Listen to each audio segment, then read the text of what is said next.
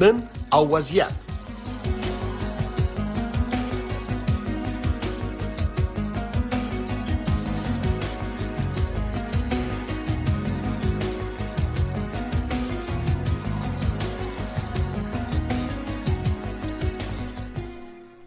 د امریکا جغ د نن او وضعیت د خبرونې ډیرو قدر منوریدونکو السلام علیکم هله د چروغ جوړ او خوشاله اوسئ قدرمن اوریدونکو د نن او وضعیت په دې خبرونه کې غواړو چې بیا هم د افغان مهاجرو پر ستونزو چې په پا پاکستان کې دوی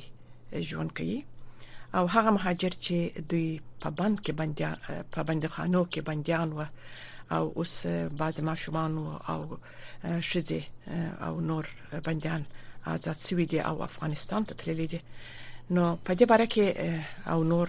مشکلات د افغان مهاجرو چې په پاکستان کې اوسېږي د دوی پر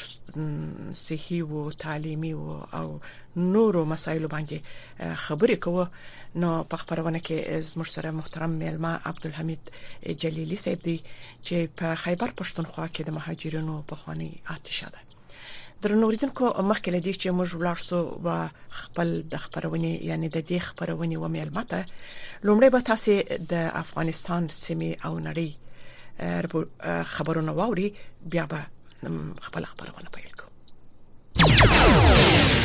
السلام علیکم درنو اوریدونکو تاسو د امریکا غږ آشنا رادیوونه خبرونه اورئ نن چهارشنبه د کابل ښار په ملک اصغر څلورلارې کې بمي چاودنه وشوه د چاودنې لږ وروسته د کابل د امنیه قومندانۍ ویاند خالد زدران رسنیو ته په یو لیږلي پیغام کې ویل چې چاودنه د بهرنیو چارو وزارت په سرک شوې او مرګ ژوبله هم لري خو زیات جزئیات یې نه دي ورکړي د پیښې عیني شاهدانو امریکا غږ ته ویل چاودنه د طالبانو د حکومت اړوند وزارت مامورینو په موټر شوې ده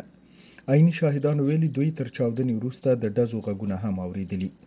طالبانو د کابل په وخت د څلور بجو وروسته د پیښې ساحه بنده ساتلې ده. طالبانو او عیني شاهدانو ویلي په دې چاودنه کې تر شلو زیات کسان مړه او زخمی شوي دي. د فرانسې خبري اژانس لیکلي چې یو انتحاري برید کوونکي د افغانستان د بهرنیو چارو وزارت ترڅنګ په داسې وخت کې ځان پورې تړلي بمونه چولي چې د چین یو هیئت په وزارت کې د طالبانو د سرپرست وزیر امیر خان متقی سره لیدنه کوله د وزارت یو موټر چلوونکی جمشید کریمی چې د وزارت بهر ولاړو ویل دي چې یو وسلوال کس چې ټوپک یې په لاس کې وو ترڅنګ یې تیر شو او بیا یې ولیدل چې همغه کس انتحاري چاودنه وکړه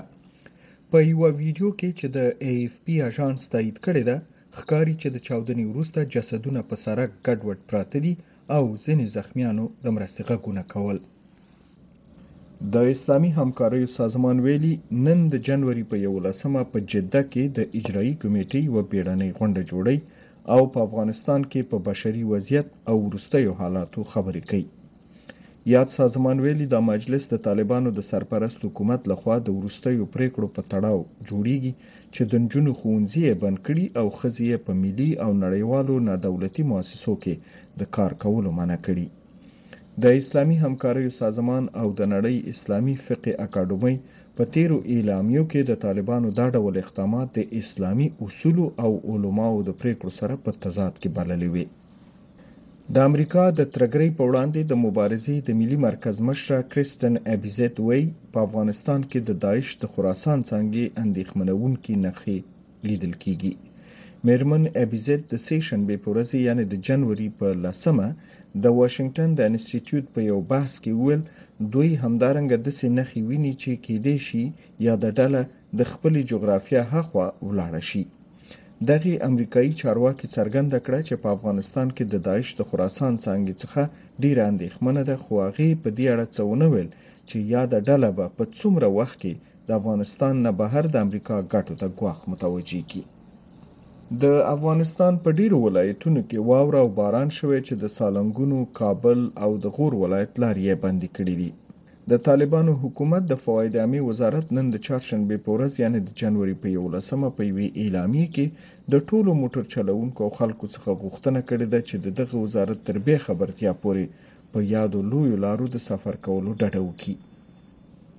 تاسو د امریکا غږ آشنا رادیوونه د افغانستان سیمې او نړۍ خبرونه اورئ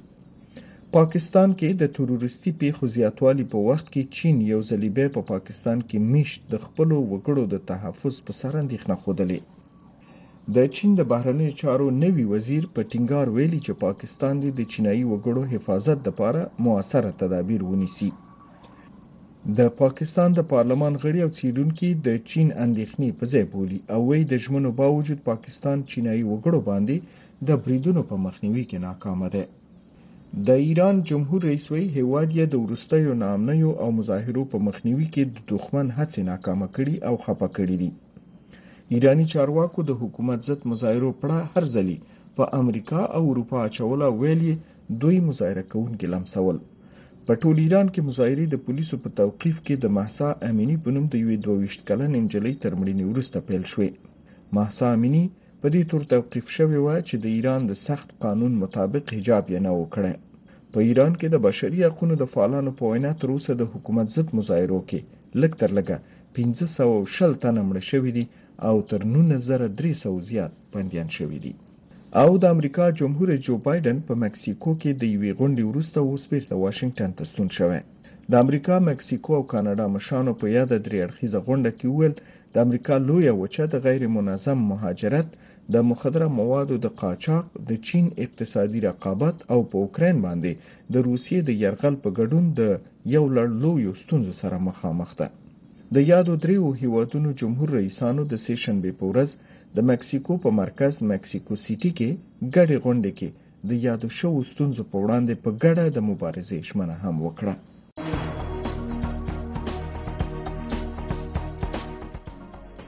نن او وضعیت نن او وضعیت د نړۍ سیمې او افغانستان پر روانو چارو او د نن په وضعیت خبرونه رپورټونه مرکه او تحلیلونه هر شپه په 9 بجې د امریکا غږ آشنا رادیو نه واوري قدر منوریدونکو تاسو خبرونه واوریدل بیا هم د نن او وضعیت خبرونه ته شرغلاست درنو ریدونکو لکه څنګه چې مو مخکې وویله نن په خبرونه کې زموږ سره عبدالحمید جلیلی چې په خیبر پښتونخوا کې د مهاجرونو په خوانی آتشه ده د د سره خبرې کوو چې په پا پاکستان کې د افغان مهاجرو پستونزو په خاص ډول هغه مهاجر چې دوی افغان شذې دي ماشومان دي او دوی په بندخانو کې د پاکستان بنديان و او اوس ځنې خلاص شوی دي البته د کراچي په شار کې نو پر دې موضوع به موږ د محترم عبدالحمید جلیلی سره خبرې وکړو چې دوی څنګه خلاص ول او افغانستان ته چې دوی پر خپل هغه ټاکلي وخت باندې دوی خلاص ول او که الته یو څه وخت تیر کړی وو یا پاتو وو پر دې مسایلو به خبرې وکړو خو لمړی به خپل ملمت شرغلاست وایم عبدالحمید جلیلی صاحب السلام علیکم خبرونه ته ډیر شرغلاست السلام ورحمت الله استاسو شفیع جان استاسو تاسو په واسطه تاسو محترم او قدرمن اوریدونکو ته همکاران تم سلامونه او نیکی هیلې سلامات اوسئ ډیر مننه محترم جلیلی صاحب کور مو ودان جلیلی صاحب تاسو په جریان کې یاست چې د افغان مهاجرو ستونزې په خاص ډول د افغانو شوزو ماشومانو ستونزې چې دوی په پا پاکستان کې اوسېدل او مهاجر دي او په ډېر حالت کې د دوی ژوند دی دا تاسو ته معلومیږي خو په هر صورت هغه بنديان چې ماشومان او شذي و او دوی د رپورټونو لمخې څو ورځې مخکې ځنې بنديان خلاص ول بیرته افغانستان ته ولاړل دا چې دا بنديان د وخت څخه مخکې خلاص ول او که په خپل ټاکلي وخت خلاص ول مهرباني وکړئ تاسو کوم معلومات راکړئ ډیره مننه شکریا او ډیره ښه پښتنه مو هم وکړه ځینې زمونږ اوریدونکو او زمونږ هیوادوال چې دی دغه پروسیجر باندې پوه نه دي چې دا په څه شکل باندې نانیول کیږي او دا دغه د هغه نروسته دا پروسس د دغه موضوع په څه شکل باندې تاسو معلومه ده تر ورنازي پورې چې پاکستان کې عدلیه تقریبا د نورو په نسبت سره یو څه ازادي هم لري په دې اساس کوم مهاجر چې د افغانستان ناراضي او هغه هیڅ قسمه قانوني اسناد ونه لري هغه که د پاکستان په هر صوبه کې ونی وشي لومړی هغه پټانې ته ځي او پټانه کې په هغه معنی 14 فارنټ کې یعنی 14 فارنټ چې دی وتوي په هغه پرچې په اساس منی د هغه ماده په اساس منی د زندان ته لیږل کیږي بیا دغه زندان ته چې لیږل کیږي هلته د قانون په اساس د قانون په اساس باندې جج یا قاضي هغه ته یو څه جرمانه ورمنې ګدي او یو څه وخت هغه په جیل کې ساتي او بعد هغه نه د همدغه پروسیجر په اساس باندې دی ډیپورت کیږي دغه مهاجرین چې اکثریت د کراچي او حیدرآباد په زندان کې وو چې په مختلفو وختو کې نیول شي او په همدغه شی په مختلفو وختونو کې چې خپل سزا وخت خلاص شي هغه نو روسته بیا د ډیپورت کیږي یو تعداد خلکو په دې ارتباط باندې داوی هم دا وکړل چې موږ مختلفو لارو نه یا ډیپلوماټیکو لارو نه کوشش کړې ده چې د انفلاس کړي یقینا شاید یغی کوشش کړی وي خو د قانوني تقاضا په اساس چې کوم قانون دی چې هغه پاکستان کې هیڅوک هم نشي ماتولای هغه دا دی چې د معنی یو ځل جج فیصله وکړه چې د بدو مشته تقریبا هلته وسیږي دا هغه به ما دو مشته به تیری دا غي نروسته و بیا دی ډیپورت کیږي بله ډیر مننه محترم جلیلی صاحب زما هغه پښتنه هم و چې د دې بنديانو د بند پروسه به څه ډول ده یعنی د پاکستان حکومت د کوم قانون په اساس دا خلک الته محاکمه کړي او بیا یې زندان ته لیږل دي او په زندان کې به د دوی حالت په څه ډول وو له بده مرغه په درې منړۍ کې د زندانونو حالات چې کله د نږدې نه وکتل شي ډېر بد حالات دي هغه حقوق چې بنديانو ته ورکول کیږي د انټرنیشنل قوانینو په اساس کې یا د خپل ملک د قوانینو په اساس کې عملاً یا پرکټیکل هغه بنديانو ته غو سہولتونه نشته پاکستان هم یو دغه هیوادونو نه دی چې د بنديخانو کیفیت د بدترینو حالاتو کې وي نه یوازې خارجي بندیانو په خاطر بلکې داخلي پاکستاني بندیان هم چې دي هغه ته دغه مشکلات دي بنان خصوصا په ځانګړي ډول سره زمونږ افغانان چې په مختلفو بندیخانو کې نیول کېږي نو دا هغه هم په دغه شکل باندې په دغه سي بندیخانو کې ساتل کېږي چې په هغه بندیخانو ظرفیت که تقریبا د 200 کسانو وینو پاکستان کې پاره کې 800 کسانو چول کیږي او یا چې هغه د 500 کسانو وینو پاره کې 1500 کسانو چول کیږي په همدغه شکل باندې د ډوډۍ کیفیت چې د سره ده همدا په همدغه شکل د مریضي د ډاکټرانو د سہولتونو په ارتباط باندې په ډیر یو سخت او بد حالت هیواد کې دغه ټول بندیان هلته شپې ورځې تیري چې دوی ته هیڅ قسم سہولت نشته فقط دومره ډوډۍ ورکول کیږي چې هغه ژوندۍ پاتې شي او دومره دغه ورکول کیږي چې هغه تقریبا معمولی غوندي ډیر معمولی کډیر سخت مریض می یو یا دوه ګولې همغه تر یو دغه لخوانه ورواچي نو په دې تر اساس باندې زمشت پر دغه سم تکم بنديان چې افغان بنديان په حیدرآباد کې یا په کراچۍ کې وو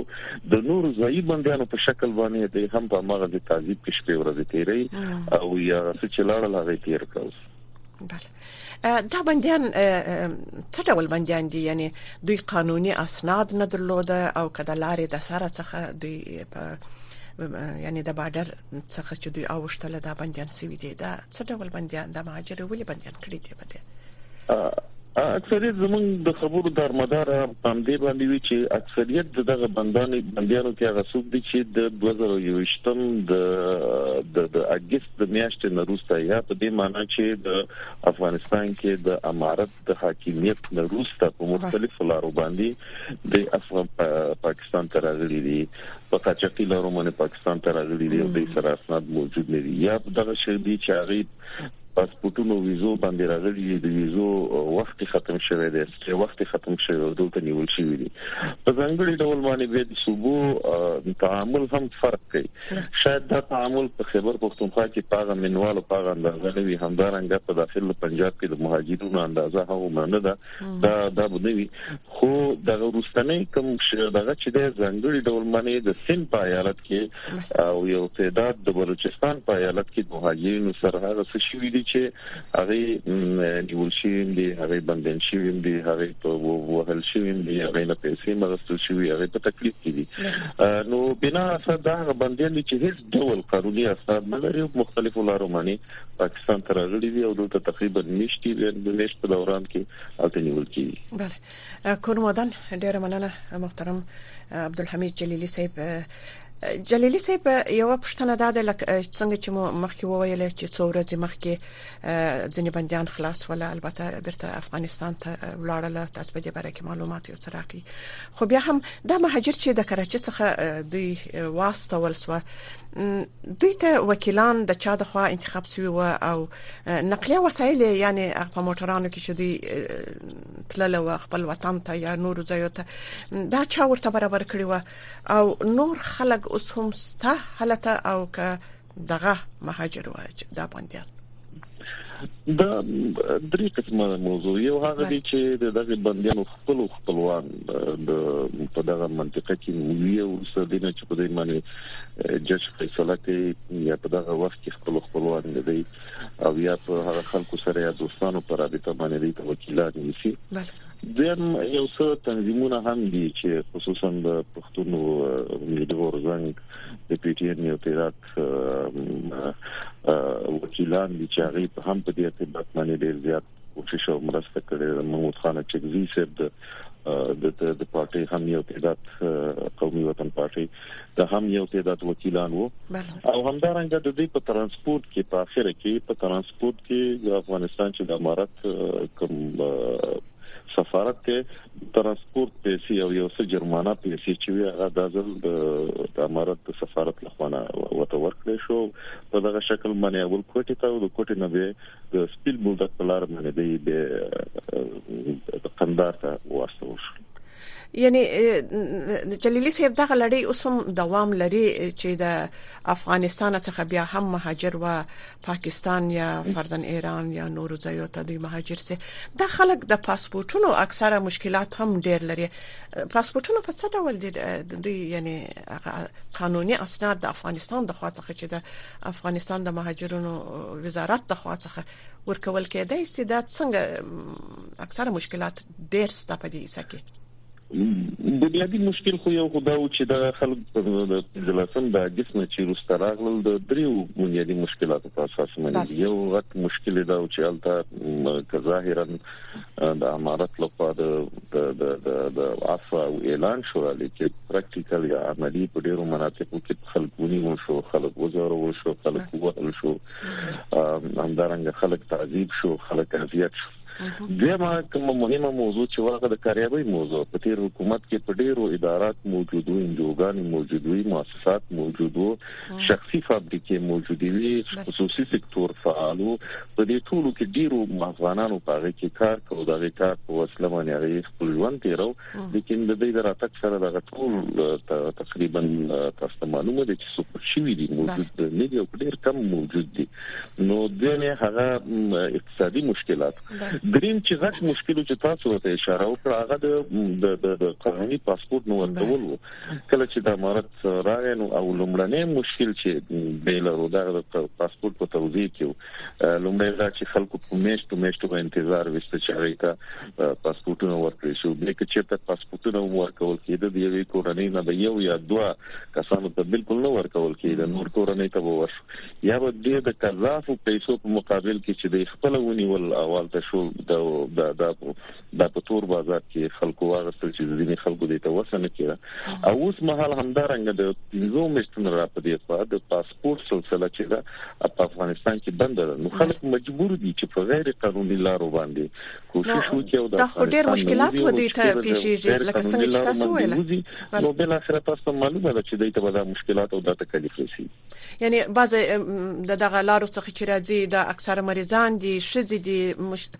ډیر بد تکلیفونه لري اکثره د سرطان ناروغي لري ځنې باز نور داسې مزمن مشکلات لري چې هغه په افغانستان کې علاج بيخي ناممکن دي نو د کوشش کوي بیچارهګان چې راسي د دغه لارې څخه ولاړ سي پاکستان ته او بیا دوی هم اسناد ونه لري دا تاسو په دې باره کې د پاکستان حکومت په دې حصہ کې هم د افغان مهاجرو سره کومک نشي کولای پاکستان حکومت خو یو څه اندازه په تورخم کې همدارنګه په سپین بولډک کې دی او یو تعداد خلکو ته د غیر د پاسپورت او د ویزې نه هغه وړي چې په افغانستان ته راشي خو هغه تقریبا د افغانستان کم پاپولیشن چې دی هغه د هغه تکالیف چې دی او دغه کم پیدا چې پاکستان حکومت ټاکلې د دوړو مسکې مثلا مثلا د ورځې 50 کسه دي 50 کسه په ټول افغانستان کې خو مریضان ډیر زیات دي او دا هغه مریضان چې هغه تقریبا سخت مریضان دي تکالیف لکه څنګه چې تاسو ذکر وکړو چې سرطان مریضي دي دا مریضي دي مریضي چې افغانستان کې هغه علاج ممکن نه دی بنان د خلک د خپل د خپل اقربا او یا د مریضانو د ژوند ساتلو په خاطر باندې غزافي پیسې په بارډرونو کې ورکړي او په همدغه شکل باندې دی خپل مریضان غوړي چې انتقال کی پاکستان ته کله چې دی شفخانو ته ورځي په لارو کې دی نیول کیږي او بیا سرنوشت هغه وی چې په میشتو میشتو حتی تر کلونو پورې هغه په زندانونو کې پراته او یو تعداد به کې عمل ته وفات هم شي بله محترم جلیلی صاحب بیا به هم راسو د موضوع ته چې په پا پاکستان کې د افغان مهاجرو په خاص ډول د جنونو په تعلیمي برخه کې به کسان په دې برخه کې موږ معلومات په تیر خبرونه کې ورکړی دی بیا هم تازه معلومات څه دي چې هغه جنې چې په افغانستان کې هم نن ورځ دوی د تعلیم څخه بیا برخې دي اکثره او مکتبونه ځینې د شپږم صنف څخه نسته نو په دې خاطر باندې دلته په پاکستان کې څه ډول زمينه ورته مساعده ده چې د مهاجرو سره البته چې د دوی سره د تعلیم په برخه کې یو څه مرسته وسی یعنی بعضی دغه سهولتونه سته د باره کې هم معلومات به تاسو لري چې حتی د تنظیمونو په وختو کې چې هغه وخت د شوروي یلغرو په افغانستان کې په لوبي سر کې د جنونو تعلیم ته هغه مطلوبه توجه ونشو خو سره تنظیمونو په دې حق لمنې ډیر زیات مکاتب تاسیس کړل همدارنګه مدارس تاسیس کړل د هغې نورسته چې کله تنظیمونو راغله نوې حکومت په افغانستان کې د کرزي صاحب د حکومت راغې نو په دې وخت کې د افغانستان کې د قونسلګرۍ او د سفارتونو لاري هغه ټول هغه مکاتب چې په داخل د په پاکستان کې واغه ثبت او راجستر شول او په ماغه ثبت او راجستر په اساس باندې نو جنو ته هم د پیسو په مقابل کې مختلفو ځایانو کې خپل افغانانو مکاتب جوړ کړل لکه څنګه چې خصوصي مکاتب او همدارنګه په کیمپونو کې تر شپږم صنف پورې د یونیسیاف له خوا تنبیهېدل چې مختلفو مؤسساتو لکه جی ټي زیت او همدارنګه بي خیر او همدارنګه نور مؤسساتو د غسی چې هغه د دې سره تعلیم برخه کې ورسره ورسره مرسته او کومک کو لیکن اوس هم د په دغه ساحه کې د تعلیمي د افغانستان چې کوم ادارات یا د آتشه د معارف پورې تر په ارتباط لري هغه مکاتب بنجونه نه دي بنشي او سم په پاکستان کې هغه موجود دي لیکن تر ټولو غټ مشکل دا دی چې انټرنیشنل چې کوم مرستې دي یعنی د د د د یونیسیار لخوا نه یا د نورو اداراتو لخوا نه هغه و ډیر کمی دي اوس موږ په دغه حالت کې هیڅ نشو کولای اوس چې تاسو په په کمپونو ته لاړ شي نو شاید ډیر کم به د جنونو مکاتب پیدا کړي همدارنګه هغه ته نور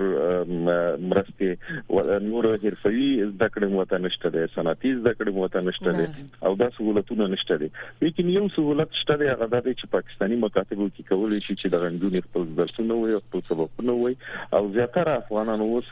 خپل اولادونه خصوصا ځینې هغه په پاکستاني مکاتبو کې اچولي او هلته تدریس کې البته د پاکستاني مکاتبو معیار په نسبت د افغاني مکاتبو نه بهتر او خدي بله او یو ورستي پښتنه چې هغه هم د دې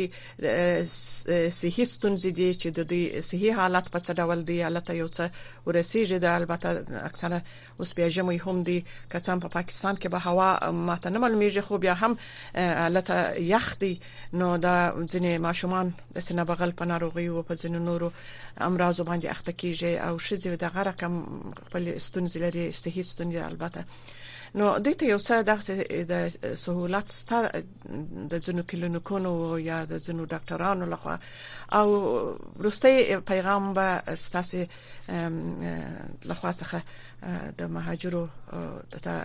چې تاسو ورستي پیغام افغان مهاجرو ته څه دی دا به هم وایست موږ نو دغه یو څلور دقیقې یا درې دقیقې نور لرو مهرباني وکړئ مهرباني یو کو تاسو دا وایي چې کوم چې تاسو دغه د جنونو د صحت برخه کې خبر او کړې د مهاجرینو د صحت موضوع باره کې مطرح کړ اصل کې د مهاجرینو تقریبا 33% په ټول پاکستان کې په کیمپونو کې اوسېږي علاوه د دنا چې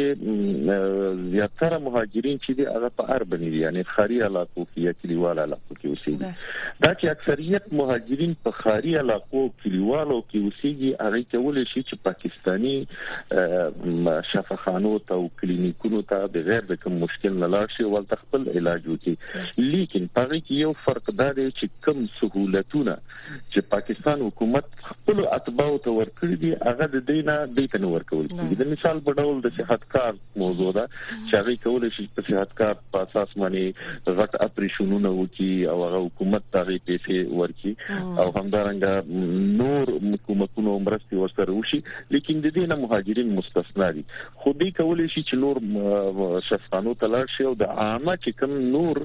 سہولتونه دي هغه کې د مهاجر او د غیر مهاجر په منځ کې تفکیک نشته دي دویمه برخه هغه مهاجرین دي چې هغه په کیمپونو کې اوسېږي په کیمپونو کې له بده مرغه په خوا چې کوم سهولتونه موجود وو هلته کلینیکونه موجود وو هلته خصوصا د مور او د د د ماشوم د پیدایښت په ارتباط منی هلته سهولتونه موجود له بده مرغه سهولتونه اوس نشته دي برای نام یو سو د یو ډاکټر راځي او په ډېر محدود دواګانې ورسره یې هم په ډېرو کم کیمپونو کې او دا علت دا دی چې دا اوسنۍ علت دی تقریبا دا د 2015 نه روسته دا موضوع په ټولو کمپونو کې کم رنګ شوې ده او غیر علت دا دی چې د انټرنیشنل کمیونټي توجه چې وا